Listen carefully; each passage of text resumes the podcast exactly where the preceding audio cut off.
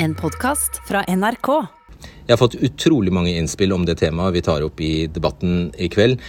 Nemlig trening, fysisk aktivitet, sammenhengen mellom eh, idrett og mental helse osv. Jeg tror faktisk i antall at det trumfer alle andre temaer jeg har fått innspill om, i hvert fall på eh, ja, de sosiale medier-kontoene mine. Uh, og så jeg har sett at dette, vi har, Hele redaksjonen har sett at det var noe veldig mange var opptatt av. Uh, samtidig så begynner det jo nå å vokse protester fra organis den organiserte idrettens uh, side. Og i dag kom også generalsek tidligere generalsekretær i Idrettsforbundet Inge Andersen på, um, på banen med et ganske kraftig utfall mot politikerne.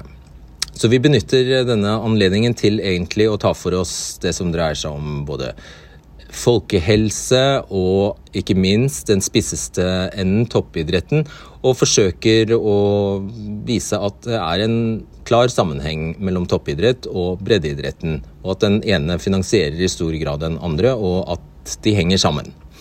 Eh, og så handler det også om eh, undersøkelsene som nå rett og slett viser at vi er langt mer inaktive under koronaen, og de negative konsekvensene det får for bl.a. vekt og helse. da. Eh, vi skulle selvfølgelig hatt idrettsministeren her, veldig gjerne, Abid Raja, men vi fikk beskjed om at han ikke kunne stille, så jeg vil bare benytte anledningen til nok en gang å rose Bjørn Gullvåg for at han stiller opp på vegne av myndighetene og vi kaster fem meningsmotstandere mot ham i debatten i kveld, og tar, det tar han på strak arm. Det du, skal du straks få høre.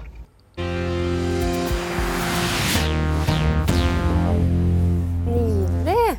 Hofta har gått under knehøyde nå. Okay. Presse knærne utover. Velkommen.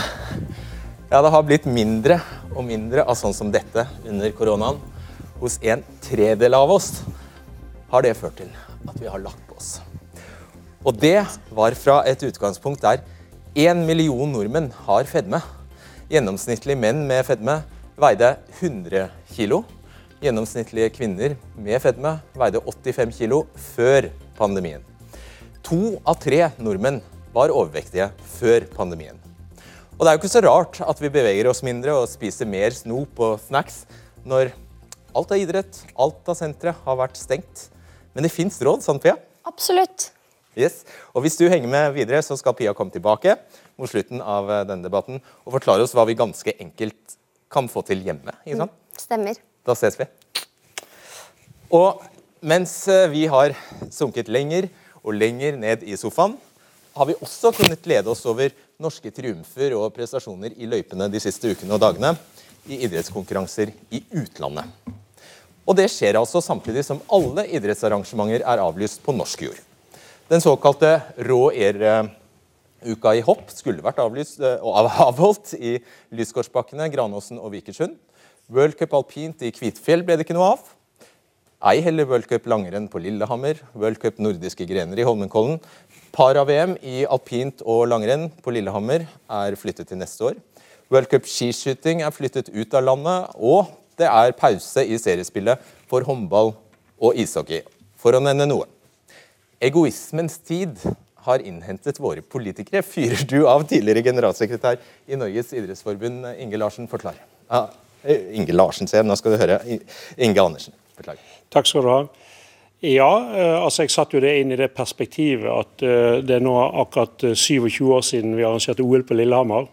Hvor vi viste vår solidaritet, raushet, hvor vi hadde et fantastisk et av verdens største idrettsarrangement som var bygget på fellesskap, dugnad. Og vi har, en, vi har, en, regjering og et storting og toppolitikere som snakker om den nasjonale dugnaden. Men uh, vi er veldig veldig overrasket over at uh, man faktisk ikke velger å være med på den internasjonale idrettsdugnaden. Vi reiser rundt og vinner alle disse medaljene. Uh, alle gleder seg over de store prestasjonene. Også våre toppolitikere. De sender telegrammer når det blir VM-gull. Men vi har meldt oss ut. Så istedenfor å ta lærdom av idrettens de, de, har jo en stor suksess i, eh, i smittekontroll. Eh, det internasjonale skiforbundet har tatt over 20 000 prøver. Det er, har vært vel 20 positive prøver. Og Da er jo utfordringen til Helse-Norge, politikerne, hvorfor ser man ikke idretten som en del av løsningen på denne pandemien? Tar kunnskapen til seg uh, istedenfor å si nei. For det er ikke noe tvil om at uh, idretten nå er forbilledlig i hvordan de takler pandemien internasjonalt. Da skal vi la Bjørn Gullvåg, helsedirektør, få svare på vegne av både politikerne og byråkratene, får vi si. Velkommen til deg. Hva svarer du til dette? Ja, aller først så vil jeg jo si at Vi alle er stolte av norsk idrett. og Vi ønsker å samarbeide, og vi tror vi har samarbeidet godt med dere. Men så er det det at i Norge så har vi som mål å ha lav smitte, et lavt antall døde under denne pandemien, som er ekstremt alvorlig internasjonalt. Eh, og hvor vi har noen tydelige prioriteter som regjeringen har lagt. og det er At barn og unge skal ha prioritet, og arbeidslivet skal ha prioritet. Da er det dessverre sånn at det er mange sektorer som sliter hardt. Og eh, Idretten er blant de, og jeg er også veldig opptatt av spesielt de unge i idretten, de mellom kanskje 15 og 25 år, som har merket dette veldig hardt. Nå bruker ikke Andersen begrepet dobbeltmoralsk, men det er vel egentlig sånn jeg leser deg delvis, at han mener det, en, det er, går ikke an å bejuble norske prestasjoner i, ut, i utlandet når vi selv nekter å avholde de samme konkurransene? Altså, Vi kan jo i hvert fall ikke la være å bejuble de norske prestasjonene. Men eh, begrunnelsen for at vi ikke anbefaler det i Norge, er jo det at vi, vi hele tiden balanserer på en knivsegg. Og Idretten er en av de største eh, organisasjonene vi har. 2,1 millioner medlemmer. Som naturligvis betyr masse for folkehelsen. Men det er en mobilitet i denne idretten også som gjør at man får mange mange flere treffpunkter mellom folk. og Da vil vi kunne få en eksplosjon i smitte som nesten alle andre land har hatt. Og Hvilke konkurranser mener du eh, helt konkret eh, Norge kunne avholdt?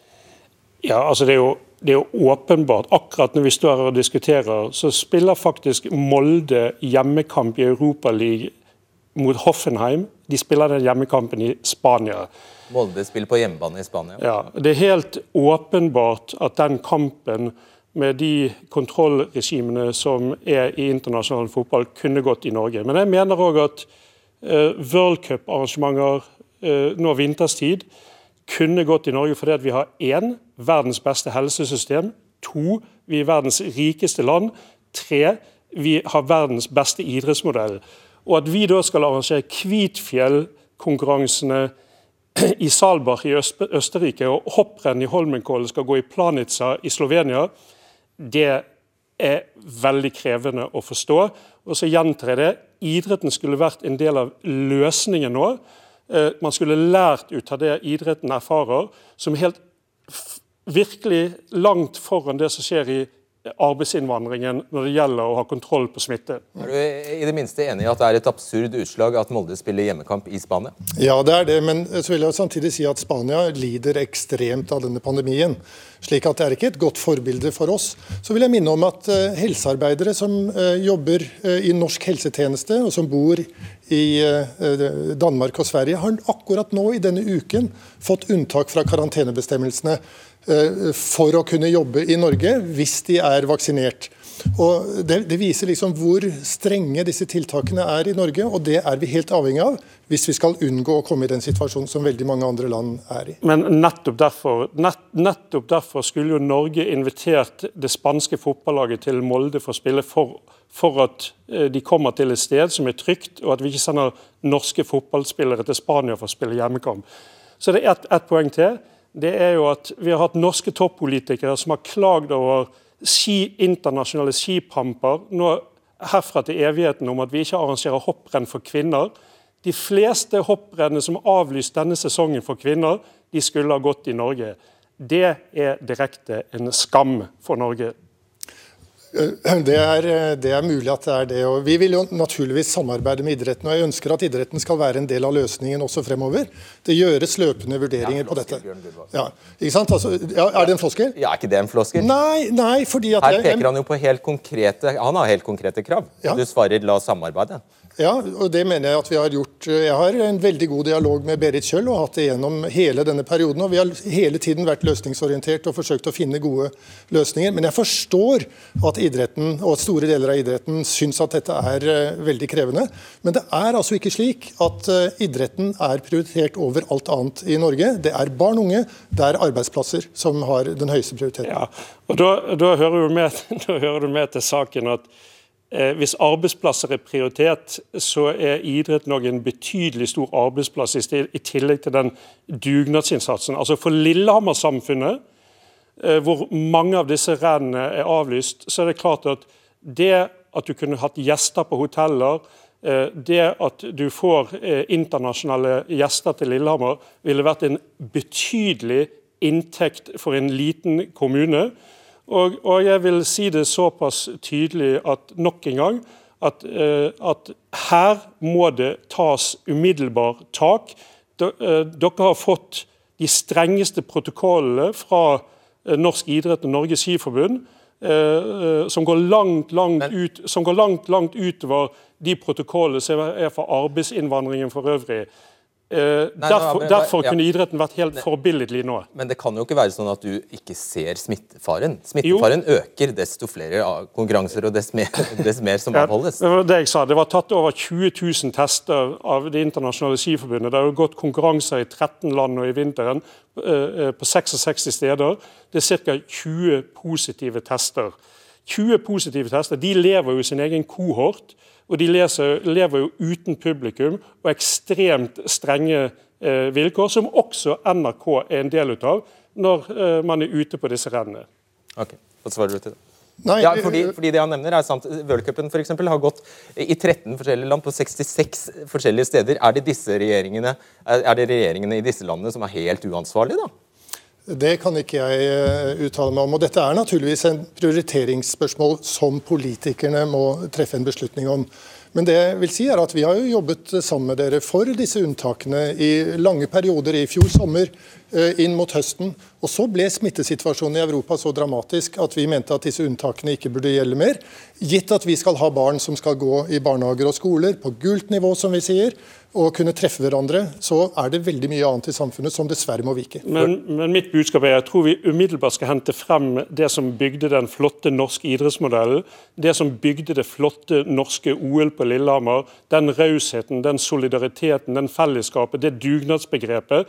Og så vil jeg fortest mulig anmode myndigheter, både politikere, direktorater og myndigheter, og, og, og ta lærdom av, eh, av eh, alt det positive idretten gjør nå internasjonalt. Nå vil jeg bare pense deg, før du forlater oss, eh, Andersen, inn på du er, Jeg håper du ikke bare er her for å tale eliteutøvernes sak. Hvordan får du dette til å henge henger sammen med breddeidretten og, ja, Nei, altså, og barna. Ja, ja, altså, jeg er jo like, minst like glad i barne- og ungdomsidretten som eliteidretten. Men det er jo en gang sånn si det. ja, eh, men det er jo en sånn at også den har vært i betydelig grad nedstengt. og Dere skal gå over i en annen debatt nå og vet dere skal ta tak i det.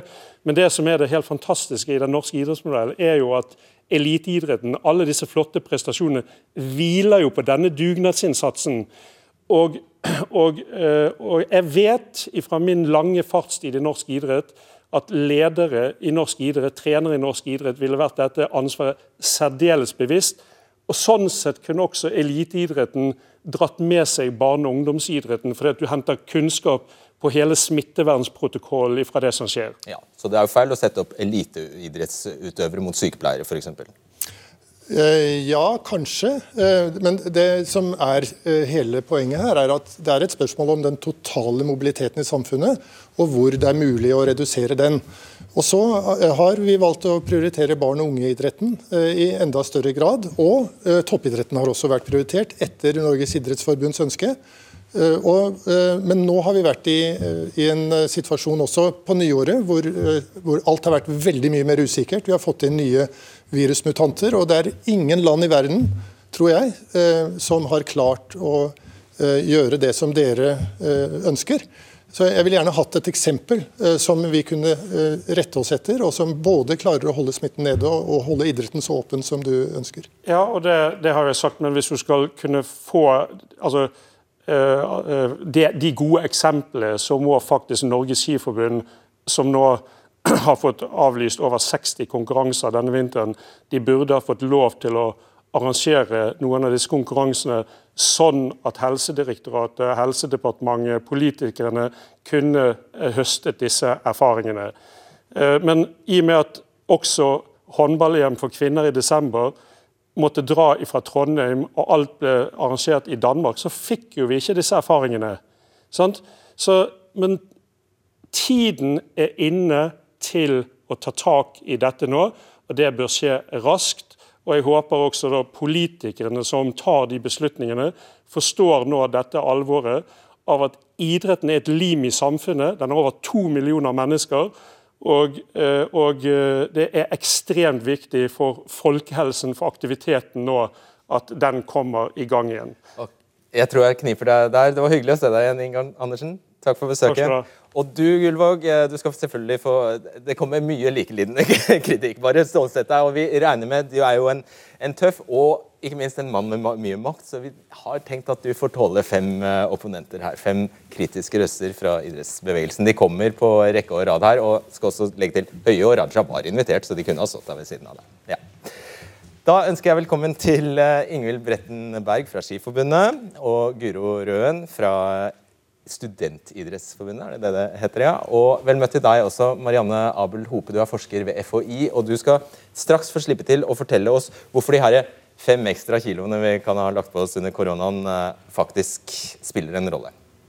Kommer straks tilbake til det, men aller først, vi går til Trøndelag og et veldig kjent skiansikt, nemlig Elda Rønning. Du er jo firedobbelt eh, stafettverdensmester på ski, men nå er du her i egenskap av å være skitrener for barn, nemlig 11- og 12-åringene som går på ski for Byåsen IL i Trondheim. Og som skitrener, hvordan merker du at koronatiltakene rammer de unge skiløperne? Nei, det, det, rammer jo på den måten at de ikke får gått skirenn på samme måten som før. og Det ble jo stengt ned allerede i fjor, så halve sesongen i fjor røk. Eh, og hele sesongen i år eh, har røkket. Og frustrasjonen begynner jo å bygge seg opp til, til både unger og trenere. Eh, og det er jo et stort paradoks synes jeg, eh, at f.eks. Eh, alpinsentrene er åpne. og sånn som Her i Trøndelag så er jo Oppdal et, eh, en stor alpindestinasjon. Der alle kan dra på hytta si. og Der samles det folk fra hele Midt-Norge. og De kan stå på alpinski i heisen, i heiskø. Restaurantene er åpne i, i alpinbakkene. Og akkurat de samme ungene som ikke får gått skirenn annet enn innad i egen klubb, kan nå møtes i vinterferien og stå alpint, om det er Vassfjellet eller på Oppdal, og møte folk fra hele Midt-Norge, folk fra Molde som er der. Men alle skirenn utenfor egen klubb eh, er avlyst. Det har vært veldig krevende å arrangere egne klubbrenn. Eh, vi har en stor klubb i Byåsen med mange deltakere. Må ha streng smittevernprotokoll. Må ha to kohorter, for vi kan ha maks 200 i hver kohort. Og ungdommer 18 år må ha vært med på klubbrennene uten sine foreldre for å få plass til alle. Eh, kommer nettopp fra et skirenn vi har arrangert i kveld, som vi har brukt og gjort eh, sammen med naboklubben vår, eh, Byåsen skiklubb, som er to-tre km unna. Det kunne vi, kunne vi, ikke gjøre, fordi vi kan ikke arrangere utenfor egen klubb. så jeg syns det er et stort paradoks. og, og Gullvåg sier jo her at de unge har blitt prioritert. Det er jeg helt uenig og en dialog med Berit Kjøll eh, for å få til det. Men hele veien så har det blitt stengt ned. Jeg har en datter som spiller håndball. Hun har ikke fått spilt håndballkamper. Eh, så jeg er ganske uenig om at eh, de unge innenfor idretten har blitt, blitt prioritert. Jeg føler at arbeidsinnvandringa har blitt prioritert, og som Inge Andersen er inne på. Jeg syns det er rart at Norge ikke kan være med og ta en del av den dugnaden å flytte alt ut. Um, jeg bare, blir... bare avbryter deg litt. fordi For det første så har uh, dette er jo et sinnbilde på hele situasjonen vi er i. Bildet av deg har frosset. vi hører bare stemmen din. Og, og, så tror jeg det er på tide. Men er, talen er klar, så det er veldig bra. Jeg håper, jeg håper at bildet kommer opp igjen. Eh, Bjørn Gullvang, her var det mye. Hva svarer du?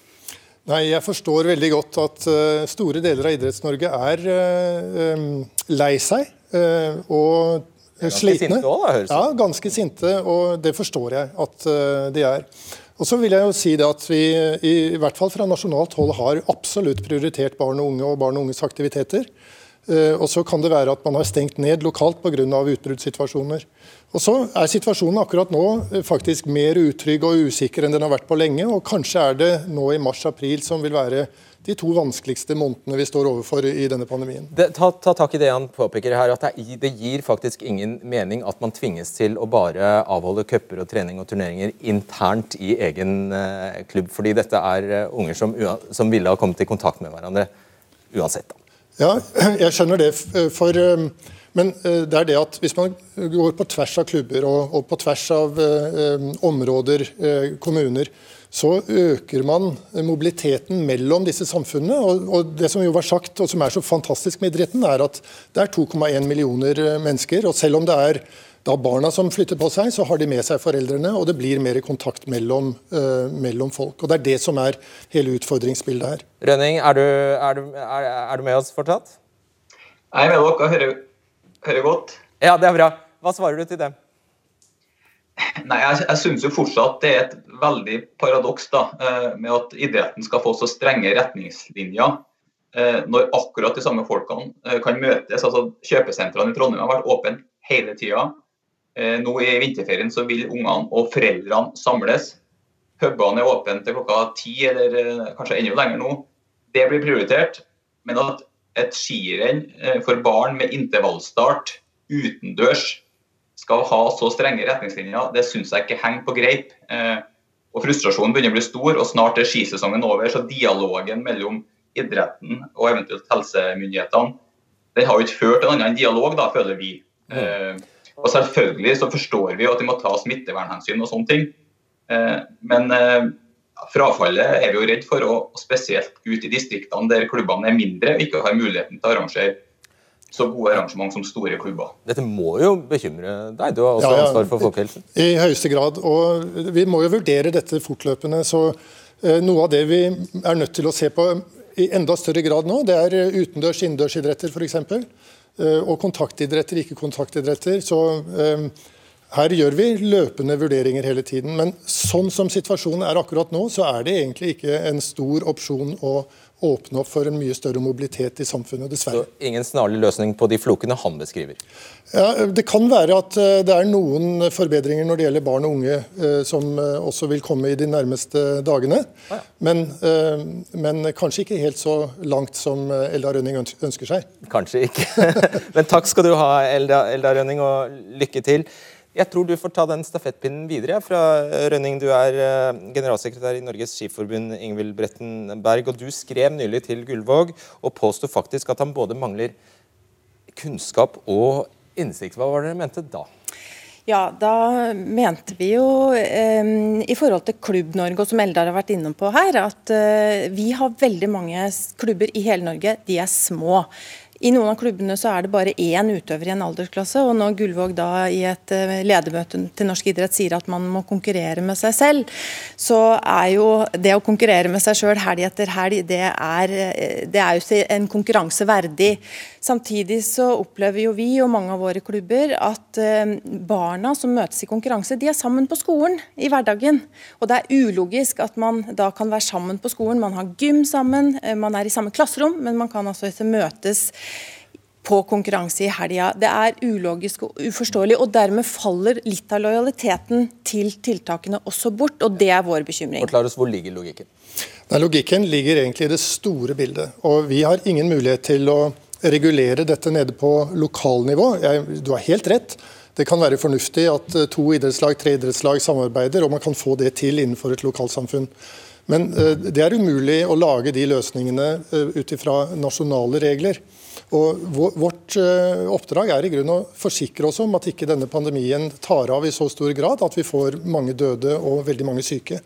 Eh, og Da blir det litt urettferdigheter her og der. Og Det gjelder ikke bare idretten. Det gjelder kulturlivet, det gjelder reiselivet. Det gjelder en hel rekke. altså eh, Virke, kjøpesentrene. Alle peker jo i retning av oss og vil ha mer liberale ordninger. Men oppdraget ditt er vel også å rydde opp i urettferdigheter hvis du, blir, hvis du får dem påpekt? Absolutt. Så vi, vi, skal se nærmere på dette. Og, og naturligvis så ønsker vi å jobbe sammen med dere. For jeg, jeg tror det er et handlingsrom, forhåpentligvis, når det gjelder skidretten.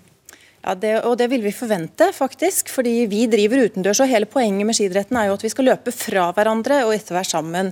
Og, og våre eh, Foreldrene kjører ungene sine til skistadion og sitter i bilen og venter. Og, og, Vår bekymring er jo at vi har hele tiden vært lojale, vi har etterfulgt alle råd og vi har etterfulgt alt. Og vi har null smittetilfeller, men vi ønsker å få lov. Vi har igjen seks uker av denne sesongen. Eh, det er en kort periode, og vi er jo også bekymra for barna og motivasjonen til de barna. Ja, for, uh, Utdyp uh, gjerne det. Nå kommer det jo ny snø, da. Både, det ser ut til å både komme i år, men også, ikke minst, det, det kommer jo ny snø også neste, neste år. så hvor, hvor, hvor kan dere lese av noen statistikk at dette faktisk allerede nå betyr frafall? Det er litt for tidlig å si. og så har Vi hatt fantastisk vinter i Norge i år, heldigvis. og For folkehelsa har det vært veldig bra at veldig mange er ute og går på ski. Men spesielt for ungdomsgruppen, som også Gullvåg er opptatt av, mellom 13 og 19 år, som nettopp er med i dette for å konkurrere og, og møte sin motstander, kanskje i naboklubben, så er vi redd for motivasjonen. Eh, og Ungdomsgruppen er en vanskelig gruppe å holde på allerede, så den er viktig for oss. Og De siste seks ukene kan gi det lille de trenger for å holde på til neste sesong. Okay. Frustrasjonen over stengte treningssentre vokser. Et inkonsekvent regelverk sørger for at i noen klatrehaller f.eks der organisert klatring for voksne med trener ikke er lov, har de samme personene klatret uorganisert. Helt uten at det var en smittevernansvarlig til stede, for det er lov. Reglene innebærer også at det ikke er lov å trene badminton, selv om spillerne der neppe kommer i kontakt med hverandre, og heller ikke idretter som styrkeløft, biljard, bordtennis og bowling er tillatt. Guro Røen, du er generalsekretær i Norges studentidrettsforbund, men du er også toppdommer i eh, håndball. Du dømte bl.a. OL-finalen i Rio. Og du snakker nå på vegne av 20 særforbund i eh, Norge, som da omfatter 350 000 aktive idrettsmennesker. Dere sliter rett og slett med å forstå dagens smittevernregler? Ja, stemmer. Ehm, det er jo sånn nå at eh, For voksne så er det lov til å trene ute, organisert. Eh, så lenge man holder avstand.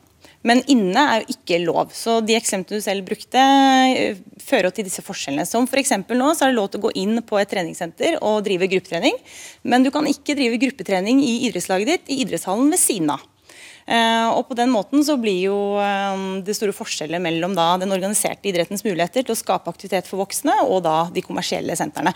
Og da lurer jeg på om kanskje Bjørn Gullvåg vet noe mer enn meg når det kommer til dette med om viruset er mer smittsomt da, eh, hvis det foregår organisert i idretten, enn hvis det da foregår på et treningssenter. Det var et retorisk spørsmål. du får prøve å svare på det. Ja, altså Svaret på det er naturligvis at det er ikke noe mer smittsomt.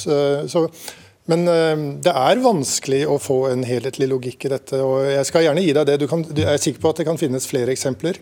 Det vil også kulturlivet uh, trekke opp. Det vil, um, det vil trossamfunnene trekke opp. Det vil Men er du åpen for å justere akkurat det? For dette her er et gjennomgående det, det, hun beskriver nå, det er jo det som faktisk skjer. Vi, vi mellom vil, organisert og uorganisert idrett. altså, Vi vil veldig gjerne samarbeide med idretten om hvordan vi helhetlig nærmer oss dette. Så Der er dørene våre åpne eh, for et eh, samarbeid. Men det må være en prioritering. Og det må da være en bedre logikk enn den vi har i dag. Hvordan syns du idretten har vist at de kan håndtere smitte? da? Jeg syns idretten har vist seg veldig bra. Jeg synes jo for at Det at vi har en godt organisert idrett, gjorde jo at vi når vi måtte nedstenge samfunnet i mars i fjor, så klarte vi å gjøre det kjapt. Fordi sånn er idretten. Vi kan si nå er det ikke mer aktivitet, vi har kontroll over mennene våre. kan si nå er det ikke aktivitet, og vi stenger helt. Bare å låse døra til hallen, det. Ja, det er jo faktisk ja. så enkelt, da. Var det en så stor Ja, men det, det er ikke noen prestasjon, det. Da. Og da var det gode samarbeid med myndighetene, man lagde gode smittevernsprotokoller, man har koronavettregler, og hver idrett har kjempegode retningslinjer for hvordan man skal gjøre det mest mulig trygt. Og det som er rart, er at hva har endra seg fra 2020, hvor dette fungerte, til 2021, hvor dette nå er ikke tale om. og Vi får bare beskjed om at eh, vi skal gå i dialog, men, men, jeg opplever jo at det hele tiden er en dialog. Ja. Det, har, det har skjedd en stor endring, og det er at vi har fått de nye variantene av dette viruset som er vesentlig mer smittsomme. Og selv med de ganske drastiske tiltakene vi har nå, så ser det ut som vi, har, vi får en oppgang i smitte. Eh, på det nivået vi er nå. Og så vil jeg kanskje også bare legge til til det vi snakket om i sted. altså eh, Treningssentrene, eh, der er det jo folk som er ansatt for å drive den virksomheten. Og det er slik at arbeidsliv har en prioritet etter barn og unge. Så det er en type logikk i hvordan man avveier der hvor det er arbeidsinteresser i forhold til øvrig virksomhet. Da. Det kan man mene mye om. For det, det, har ikke et direkte folkehelseperspektiv, som jeg jo er opptatt av. Men det er nå engang prioriteringen til regjeringen. Ja. Og Der vil jo jeg nyansere bildet litt, for det er det som er litt rart. er jo at Man snakker om dette hele tiden som at idretten er helfrivillig og helideell, og så er det næringa skal ivaretas. Men det er jo ikke sånn. Det er jo sånn at f.eks. i av tennishaller i Norge, to tennishaller er offentlige. Resten er finansiert av medlemsinntekter og av andre leieinntekter. Det er klart at Når da aktiviteten for voksne, som er de som har kjøpekraft og betaler seg for å spille der, ikke får lov til det, så er det jo eh, sånn at man mister leieinntekter. Og da kan idrettslag sitte med gjeld og slite og gå konkurs pga. at man ikke får, eh, får driftet anleggene sine. Sånne eksempler finnes det jo mange av. Og det finnes også betalte trenere i idretten. F.eks. i bedriftsidretten så er det samme instruktøren som får betalt for å trene på treningssenteret, men for da er permittert i bedriftsidretten fordi det er organisert idrett. Og det make jo ikke sense. Og hvis vi da skal eh, på en måte, Vi er avhengig av forståelse for at vi skal kunne ha godt smittevern. Ja. Og dette ja, og, skaper ikke forståelse. Og alt, alt, dette er jo ikke smittevernfaglig begrunnet. så jeg, jeg vil også si Nei. at En del av løsningen på logikken må finnes innenfor hver sektor. Det er ikke slik at vi i helsesektoren har liksom full oversikt over logikken i alle de øvrige sektorene. Så Noe av dette må nok også sektor, eh, sektoren selv ta et ansvar for, og bidra til at den logikken blir bedre. Da skal jeg spørre altså, jeg vet ikke, Det kom rett før vi gikk eh, på lufta her en beskjed om at, eller en rapport om at det har vært et smitteutbrudd i Fredrikstad igjen, i en idrettshall. Hva mer vet du om det? Og der var det faktisk de, de hadde, Spillerne hadde ikke smittet hverandre, men de hadde faktisk det, det, er jo det som er det spesielle i dette eksempelet. at uh, Det som er fellesnevneren, er at de var på, i denne idrettshallen jeg tror det var 9. Men de var der ikke samtidig. Og Det betyr at de ble smittet på et eller annet vis uh, på basis av Fire fotballag. Fire fotballag, ja. Uh, som, og det var vel åtte smittede til sammen, tror jeg. På, og Da må altså smitten ha blitt overlevert uten den Liksom, via en eh, ball eller via et håndtak eller et eller annet, hva som helst? Et eller annet. Mm. Og, som jo viser liksom kompleksiteten og, og hvor, hvor, smittsomt uh, disse nye uh, virusvariantene kan være. Og er, uh, derfor har vi vært veldig forsiktige nå de to første månedene. Eh, og Så får vi se om det er mulig å gjøre noe utover i mars-april. Det er jo avhengig av hvor, hvordan denne smitten utvikler seg. Litt dårlig å kaste det eksempelet på deg, for du har sikkert ikke, tipper du ikke har rukket å sette deg inn i akkurat det. Men det fins noe en gang der, og du kan lese om det etterpå. Og det har skjedd.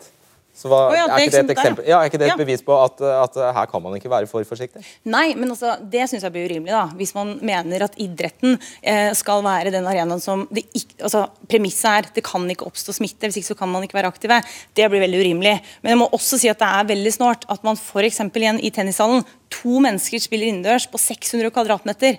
Det er ikke mulig det er jo, altså, Når vi vet at avstand er viktig i smittevern, så virker jo det litt uh, uforklarlig. da. Jeg, jeg, jeg, spiller tennis selv, jeg, ja. og, og, dessverre så har ikke jeg fått spilt uh, det siste halve året. Men, uh, men, ja, men det, er, er, du ikke enig i at det er, gir ingen mening?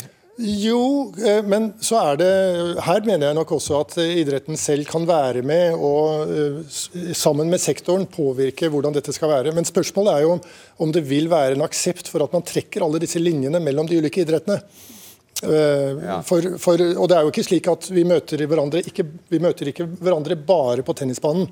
Vi møter faktisk hverandre ved inngangen vi, liksom, før vi skal spille.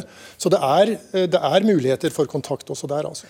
Vi har sjekket med dagligvarekjedene, og de rapporterer om inntil 30% økning i salget av sjokolade, sukkervarer, snacks og chips. Vi har lagt på oss under pandemien, og i utgangspunktet var bare en tredel av nordmenn normalvektige. Mange av oss sluttet å trene da senteret og annen idrett ble stengt, og forskere ved NTNU rapporterte i fjor at de som trente mindre under koronaen, hadde et høyere nivå av angst og depresjon. Og Dessuten behandlere rapporterer om en dobling av antall pasienter med muskel- og skjelettplager. Ernæringsforsker ved FHI Marianne Hope Abel i den nasjonale folkehelseundersøkelsen for fjoråret har 9000 eh, personer landet rundt svart på spørsmål om helse, trivsel og levevaner. Hva, hvordan oppsummerer dere den? Uh, nei, altså vi har, uh, Det er jo en stor undersøkelse, dette her. Men uh, vi har inkludert noen spørsmål om, om koronapandemien. Bl.a. om folk føler at de nå får trent mindre, vært mindre fysisk aktive. Og om de føler at de har gjort endringer i kostholdet, om det er mer eller mindre sunt enn før. da. Så um, det vi Svaret er at de trener mindre, og de spiser mindre sunt. Nei, altså Bildet er jo litt nyansert, så det er jo ikke fullt så enkelt eh, som, som vanlig. men, eh, men, eh, men mange er mindre fysisk aktive. Det er vel det tydeligste funnet. Så en tredjedel svarer at de er mindre fysisk aktive enn før. Og så ser vi at den trenden er aller størst hos de som er yngre voksne. da. Hva vil det si sånn aldersmessig? Uh, altså Hos 18-24-åringer så ser vi at 44% sier at de er mindre fysisk aktive enn før. Men så er det jo noen som har funnet rom for å ha mer fysisk aktivitet også, da, ikke sant? men det er en ganske mye mindre andel. da. Mm. Spiser vi mer? Eh, det vet vi ikke så mye om enda, så her må vi vente litt til eh, tallene kommer på bordet, egentlig. Og det blir oppsummert etter hvert som man ser på salgstallene. For, en ting er jo hva folk svarer og tror og tenker selv, men en annen ting er jo hva som faktisk skjer, eh, og man faktisk er ute og handler, da. Men eh, det er ikke så mange som mener at de spiser mindre sunt enn før. Det var bare 12% som oh, ja. sa seg enig i den påstanden. Jeg tror du de er helt ærlige? Det det vet jeg ikke. Det vil jo være rimelig å anta at man kanskje har endra noe på kostholdet, i og med at eh, hverdagen er ganske forandra for mange. da. At man kanskje ikke får spist salaten i jobbkantina, eller spist Ja, for det er jo en sånn banal sak som at uh, salatbarene er jo stort sett borte. Ja. Mange steder. Mm. Ja, ja. Mm. Uh, så er det jo dessverre fungerer jo så urettferdig som at de som allerede hadde overvekt eller fedme, det er gjerne de som da lettest også legger på seg. Er det ikke sånn? Jo, det, det så vi da. For vi har også spurt om, eh, om eh, hvilken vekt de har, og, og høyde, og sånn at vi kan regne ut BMI. Og så har vi spurt om de har gått opp eller ned i vekt det siste året. Og da ser vi at det er de som har en høy BMI i utgangspunktet, som også har hatt liksom, i størst grad sier at de er mindre fysisk aktive nå og spiser mindre sunt. Uh, og det er også de som har gått opp i vekt, som også svarer det i størst mulig grad. Eh, men uh, ja. Og her skal vi også huske at dette har jo både klassedimensjoner ved seg, det har det, det dere sikkert ville kalt sosioøkonomiske aspekter ved seg. Hva betyr det egentlig, når jeg sier det? Ja, nei, Det er jo interessant å se. da, for vi, Når de rapporterer om man spiser sunnere eller eh, trener mindre, så, så så vi ikke noe sammenheng med hvilken utdanning man hadde, f.eks. Så det, det var jo faktisk litt overraskende. Men så den sterkeste sammenhengen vi ser, er at det ser ut til å være de yngre voksne det går utover i størst grad, mens de eldre nok har liksom mer etablerte vaner og rutiner, og, og, og føler ikke at dette har endra i så stor grad verken kosthold eller treningsvaner. Interessant. Tusen takk. Takk.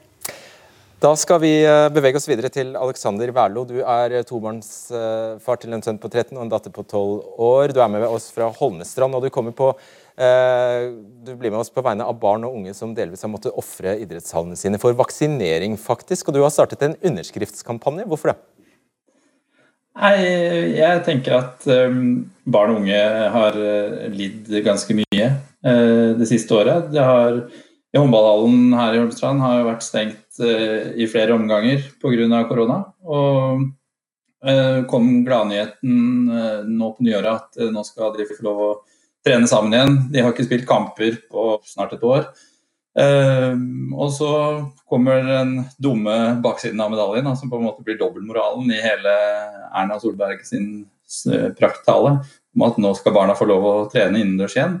Eh, men de hallene blir brukt til vaksinering. Og det tenker jeg jo er litt sånn dumt, da. At da, da mister man jo fullstendig tilliten til politikerne. Det, også fra barna sin side. Altså, hvorfor skal vi nå ikke få lov å trene når de sier vi skal få lov å trene? Jo, det er fordi Olga på 90 skal få vaksinen sin i hallen. Det, er, eh, bare veldig kort, hva er, andre ja, ja, hva er alternativet til Høyanghallen? Nei, altså Her i Holmestrand så har vi jo et hotell som eh, står tomt. Og det er flere bygde hus eh, og sånne type vel-lokaler uh, som bør kunne uh, brukes. Eh, og så kan det hende det vil koste mer penger, men så er det jo sånn at eh, staten gir jo også mange av disse bedriftene eh, penger gjennom kompensasjonsordninger. Eh, så da kanskje man kunne fått noe igjen for det. da, Og faktisk spart de barna og de unge som eh, de snakker så kjært om at de skal spare. Ok, Takk skal du ha, Verlo. Vil du svare veldig kjapt på det? Det er et godt innspill. Også- Det er et godt innspill. Og så tror jeg at eh, kommunene må se gjennom sine beredskapsplaner på nytt, eh, for å se om de i neste omgang klarer å unngå uh, å bruke idrettshaller i så stor grad som er uh, gjort i denne omgangen. Tenkte dere på problemstillingen og ba dem om å unngå idrettshaller? Nei, vet du at det tenkte vi ikke på. Nei. Så, så det, er, det er helt opplagt et læringspunkt også for oss. Eirik Torbjørnsen, du er daglig leder for Birken AS, som uh, arrangerer det kjente Birkebeinerrennet og Birkebeinerrittet og Birkebeinerløpet. Her snakker vi altså om ski, sykkel og løping. Vet du om du får arrangere Birken om fire uker? Vi har fortsatt et eh, håp eh, om å eh, få arrangert både den internasjonale delen, Ski Classic med elite, og et veldig nedskalert og nedtona mosjonsrenn, et turrenn. Ikke så stort som vi har i et normalår, men vi har fortsatt et håp om å ha et lite renn fordelt av deltakere, kohorter og startpuljer over tre dager. Mm. Hva syns du om reglene? Ja, altså reglene Per nå så er det jo eh, rødt lys, og vi har stått eh, veldig lenge eh, på rødt lys. Og jeg kjenner meg jo litt igjen i de, det paradokset som Elda Rønning og generalsekretæren i Skiforbundet trekker opp her. Det som er min store bekymring, fordi vi er Norges største mosjonsarrangør og å jobbe mye med folkehelse, det er jo eh, langtidsvirkningene på, på, for folkehelsa. Eh, og det frafallet vi eh, frykter. Vi har eh, Middelaldrende menn i lykra og raske briller som går Birken, da? De fleste som går Birken er helt vanlige mennesker som meg og deg, og som okay. går i helt vanlige turklær. Men jeg er ikke bekymra for de aller raskeste menn og kvinner i tights i min alder i 50-åra. Det er ikke de som bekymrer meg. Det som bekymrer meg, er at når du stenger en 13-åring ute fra konkurranse, så er det ikke sikkert du får 14-åringen tilbake. Ja, ikke sant. Så det, er, eh, eh, det har vi jo hørt gjentagende ganger eh, her. Når vi nå går mot slutten av pandemien, forhåpentligvis, hvordan ser dere for dere at dere skulle vært med? For jeg regner med at dere ikke mener dere skulle få arrangere som som om vi ikke hadde en pandemi. En pandemi. Hvordan, skulle, hva, hvordan, ville du ideelt sett ha løst dette?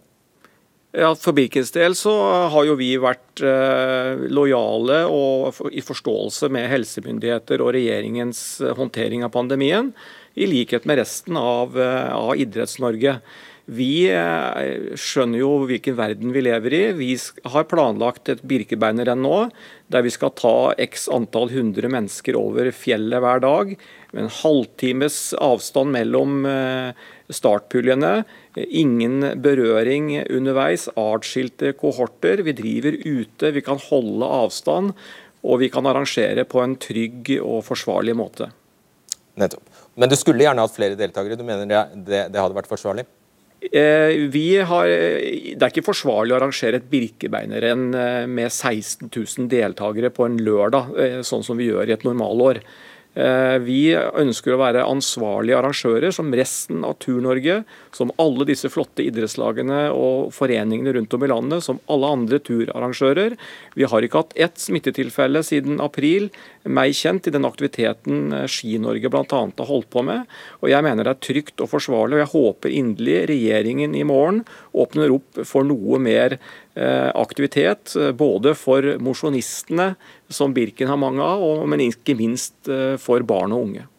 Ja, du har sikkert gitt regjeringen råd om hva de bør si i morgen. Hva kommer de til å si? Mm. Nei, det kan jeg naturligvis ikke si i dag. Det er i morgen det kommer. Hvilket et råd har du gitt dem, da? Så vil jeg jo si at det er jo det er jo, vi vil jo håpe alle sammen at vi kan ha arrangementer på det tidspunktet. Men det er jo avhengig av hvilken situasjon som vi da befinner oss i. Det er veldig veldig vanskelig å være, altså så, uh, være så forutsigbare som jeg skjønner at uh, alle aktørene egentlig ønsker. Ja, vi ber bare om at ungene som er på skolen sammen, også får møtes til konkurranse sammen i helgene. For det er ulogisk, og jeg tror eh, også sikkert Gullvåg er enig med meg i, at lojaliteten i idretten den trenger vi å opprettholde. Du har selv sagt at vi har igjen 100-150 dager av dette. Vi ønsker å bidra til å opprettholde lojaliteten til smitteverntiltakene. Da må de være logiske. Det vil vi gjerne se på sammen med dere. Har du inntrykk av, Nå representerer du jo mange hundre tusen, det er jo, er jo sant, men har du inntrykk av når du gjør sånn at du har Er den folkelige opinionen eh, Står den bak deg, eller hvordan tolker du det? Med tanke på at voksne skal Altså, er de fleste enig med deg i at det burde åpnes eh, mer for idretten, eller blant folk flest? Hva, for, Hva ja. tror du? Jeg tror at de fleste øh, syns at mest, altså litt aktivitet er bedre enn ingenting. Og akkurat nå så er det veldig rigid på nasjonalt nivå, selv om noen kommuner ikke har smitte i det hele tatt. Det er mange kommuner som ikke har smitte på lenge, og mobiliteten i samfunnet generelt er lavere. Det vil si at man kunne ha drevet lokalidrett for voksne og sørga for at de hadde gode, gode treningsmiljøer. Og jeg må jo si at Når vi også hører nedslående gang på gang at unge mennesker de får, eh, altså de får det bare verre og verre, den psykiske helsa går nedover, da hjelper det ikke å oppfordre til hjemmetrening og digital trening. For det har faktisk noe å si hvor du er aktiv. Og Det må være altså det å være sammen med andre, det å oppleve sosiale fellesskap. Og det har idretten. Og når jeg ser at unge folk sier at de er halvparten, sier jo nå at de er ensomme. De fra 18 til 24 år de er også blitt feitere, mer inaktive og, eh, og rett og slett sliter med å komme opp i aktivitetsnivå.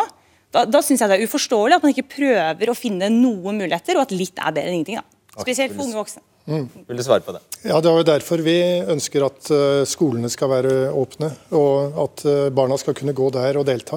Og Så vil jeg gjerne drøfte med dere det liksom forslaget om at de som møtes på skolen, eh, også kan møtes i idretten. Det er et godt og konstruktivt forslag som vi gjerne ser på. Ja, okay, Ja, fordi akkurat nå så driver jo Idretten har jo eh, etablert en trafikklysmodell for å prøve å finne andre muligheter. fordi Hele tiden hører vi dialog, dialog, dialog. Eh, men, eh, men hva skal til? For Det oppleves sånn at vi hele tiden kommer med forslag, og så får vi beskjed om å vente. Men utfordringen med at, at de unge møtes, det er kanskje ikke først og fremst barna, men det er de voksne som er med dem. Som, som da vil få møteplasser de står og ser på og venter. Og, og det kan i seg selv bidra til økt mobilitet. Men som sagt, dette ønsker vi å drøfte med dere. Greit. Får dere, tre får dere trent? Det, ja. Ja. Det har vært mange fine skiturer i år. Skiturer. Og du? Får trent. Får du, gulvet? Ja, jeg hadde også hatt mange fine skiturer. Men ikke tennis? Ikke tennis, så det blir annen, annen type trening. Ja, Ok. Hvis, eh, hvis dere bare blir stående der, så skal vi få besøk igjen av Pia Seberg, som er eh, utdannet personlig trener. Nå må du komme inn, eh, Pia. Uh, og du skriver bøker om uh, trening og er programleder i uh, podkasten Treningspodden. Du har en treningsfilosofi som handler om at man kan bli sin egen PT, altså personlig trener. Hva går det ut på? Eh, Det stemmer, og det ligger jo i det at man krever mye av folk. Men jeg tror jo på at vi alle har i oss en slags drive til å bevege oss. Eh, Det er klart det er vanskelig. Jeg har kjempestor respekt for eh, at folk sliter når alle rammene for fysisk aktivitet blir tatt ifra oss. Men samtidig så er det fortsatt muligheter, og jeg tror veldig på det at man må være litt streng med seg selv og prøve å ha fokus på muligheter framfor begrensninger. For det er jo på en måte den ene løsningen vi har, vi voksne som sitter hjemme på rumpa. Og hvis man nå sitter nedi saccosekken og ikke har tenkt å bevege seg derfra, så høres det jo nesten provoserende ut, det du sier nå. Hva er triksene? Hva er det letteste man kan starte med? da? Nei, altså Man må jo se på uh, utgangspunktet sitt. Hvor er det man begynner? Og vi vet jo at hverdagsaktivitet har enormt mye å si. Uh, veldig mange sitter på hjemmekontor. Vi har mista treningssenteret vårt. altså Vi har mista mange av de rammene som legger opp til hverdagsaktivitet. Så jeg tenker jo det at vi må etablere en rutine som tilsier at vi får inn uh, kanskje 50 10 000 skritt hver dag. For mange sliter med bare det. da. Deretter så kan man jo begynne å strekke seg etter å få inn 150 eh, minutter i uka med aktivitet som Helsedirektoratet anbefaler. Eh, og Apropos, inne på helsedirektoratet.no er det jo masse gode tips til hvordan man enkelt kan få inn mer aktivitet. Og vi trenger, altså vi er ikke eh, avhengige av treningssentre og organisert idrett for å bevege oss. Bevegelse er noe av det mest grunnleggende en menneskekropp kan og skal gjøre. Så vi må kanskje gå veldig sånn back to basic, da. Men jeg skjønner at det kanskje er litt irriterende å høre. Jeg skjønner det, altså. Hva, hvilke øvelser, vil, Har du lyst til å vise noen sånn helt banale, enkle øvelser som man faktisk kan gjøre på hjemmekontoret? Ja, men altså, det kan jeg vel gjøre. Eksempelvis da det å sette seg ned eh, på en stol og reise seg opp igjen. går litt til din venstre der, får jeg beskjed om. Sånn. Prøv der. Her? Ja, prøv der. Eh, sette oss ned i en knebøy og reise oss opp igjen er jo egentlig en ganske sånn enkel og grei øvelse, men mange av oss sliter med den øvelsen. Eh, videre, gå bakover i et utfall er jo også Ja, ja. Se her, da. Sånn, det er se der, ja. Veldig bra. Og her bruker man store muskelgrupper som vi trenger å utfordre. Og bare noe sånn enkelt sånn som det vi gjorde nå, har mye å si for folk når man sitter her store deler av dagen. Så du må liksom ta litt tak i deg sjøl. Og så nevnte jeg her at Det er rapportert om lettere muskel- og skjelettplager. En ganske stor eh, økning. Hva kan man gjøre med overkroppen? For det er kanskje der at du, blir, du kan bli sittende sånn lenge? Ja, det blir jo mye sånn ringeren fra Notre-Dame-posisjoner hjemme. Så jeg tenker jo bare å lene seg litt tilbake, strekke litt på brystet, åpne litt opp her. En av mine favoritter er å faktisk stelle seg inntil en vegg og så se om man klarer å trekke overarmene inntil veggen bak seg. Eh, bare igjen for å åpne opp litt i front og minne oss på at vi, en, at vi skal ha en sterk bakside. Da. Er det noe vi typisk alltid gjør altså, Vi kjenner jo til fenomenet at alle, alle løper av gårde på treningssenteret 1.1. Ja. eller 2.1. Mm.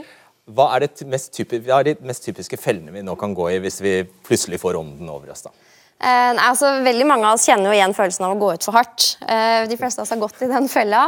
Eh, så jeg tenker jo at begynne, begynne forsiktig og tenke at de eh, eventuelle endringene du gjør, da, det skal det bli um, en del av livet ditt. altså Det skal være noe du holder på med livet ut, og ikke bare en uke eller en, en måned. For noe av det viktigste når det kommer til trening og lykkes med det, det er jo kontinuitet. Det er det vi vet at funker. Det er det vi jager. Er det en god idé å lide seg gjennom noe man bare misliker eller hater for den saks skyld? Eller bør alt være lystbetont? Altså spør du meg, så finnes ikke noe riktig eller galt. Noen trigges jo veldig av å klare det og lide seg gjennom noe. Men hvis vi ser på altså, min erfaring som personlig trener, og det vet jeg, sikkert, vet jeg at mange kollegaer er enig i òg, eh, så gjelder det å gjøre noe man syns er gøy, og som gir en glede der og da, men også etterpå, da. Eh, ja. Ok, Jeg syns det høres ut som en ganske grei og kanskje bærekraftig resept. ok, tusen takk. Og tusen takk skal dere ha. Debatten er over, men vi er alltid tilgjengelig på NRK TV. Og så har vi også en podkastversjon der jeg forteller litt om ja, hvordan redaksjonen tenkte da vi satte sammen denne, eller sendingene da, generelt. E-postadressen vår er debatten krøllalfa nrk.no. Vi ses. Da nyheten om at Siv Jensen trekker seg kom i ettermiddag, så er det armer og bein i redaksjonen, og vi vurderer sterkt om vi skal legge om hele sendingen, og, og om vi vi rett og slett bør skifte tema. Ehm, men så var det sånn at Siv Jensen i dag eh, ikke kunne stille på direkten i debatten, og eh, vi fant vel ut at det lot seg ikke helt eh, realisere, og jeg er i ettertid ganske glad for at vi ikke gjorde noe mer dramatisk temaskifte her. Vi var også innom tanken om å kaste om da Gjenopptakelseskommisjonen kom med sin vurdering av at saken mot Eller Viggo Kristiansen skal få gjenopptatt saken sin. Men der var uh, vurderingen etter hvert at uh, det ville ikke ha Det har ikke kommet uh, mange nok på banen som hadde gjort at vi hadde fått til en skikkelig de debatt ennå. Det tipper jeg kommer de nærmeste dagene. Så det er en het kandidat en, som tema til en senere debatten. Takk for at du hører på oss på podkast. Vi høres. Du har hørt en podkast fra NRK. Hør flere podkaster og din NRK-kanal i appen NRK Radio.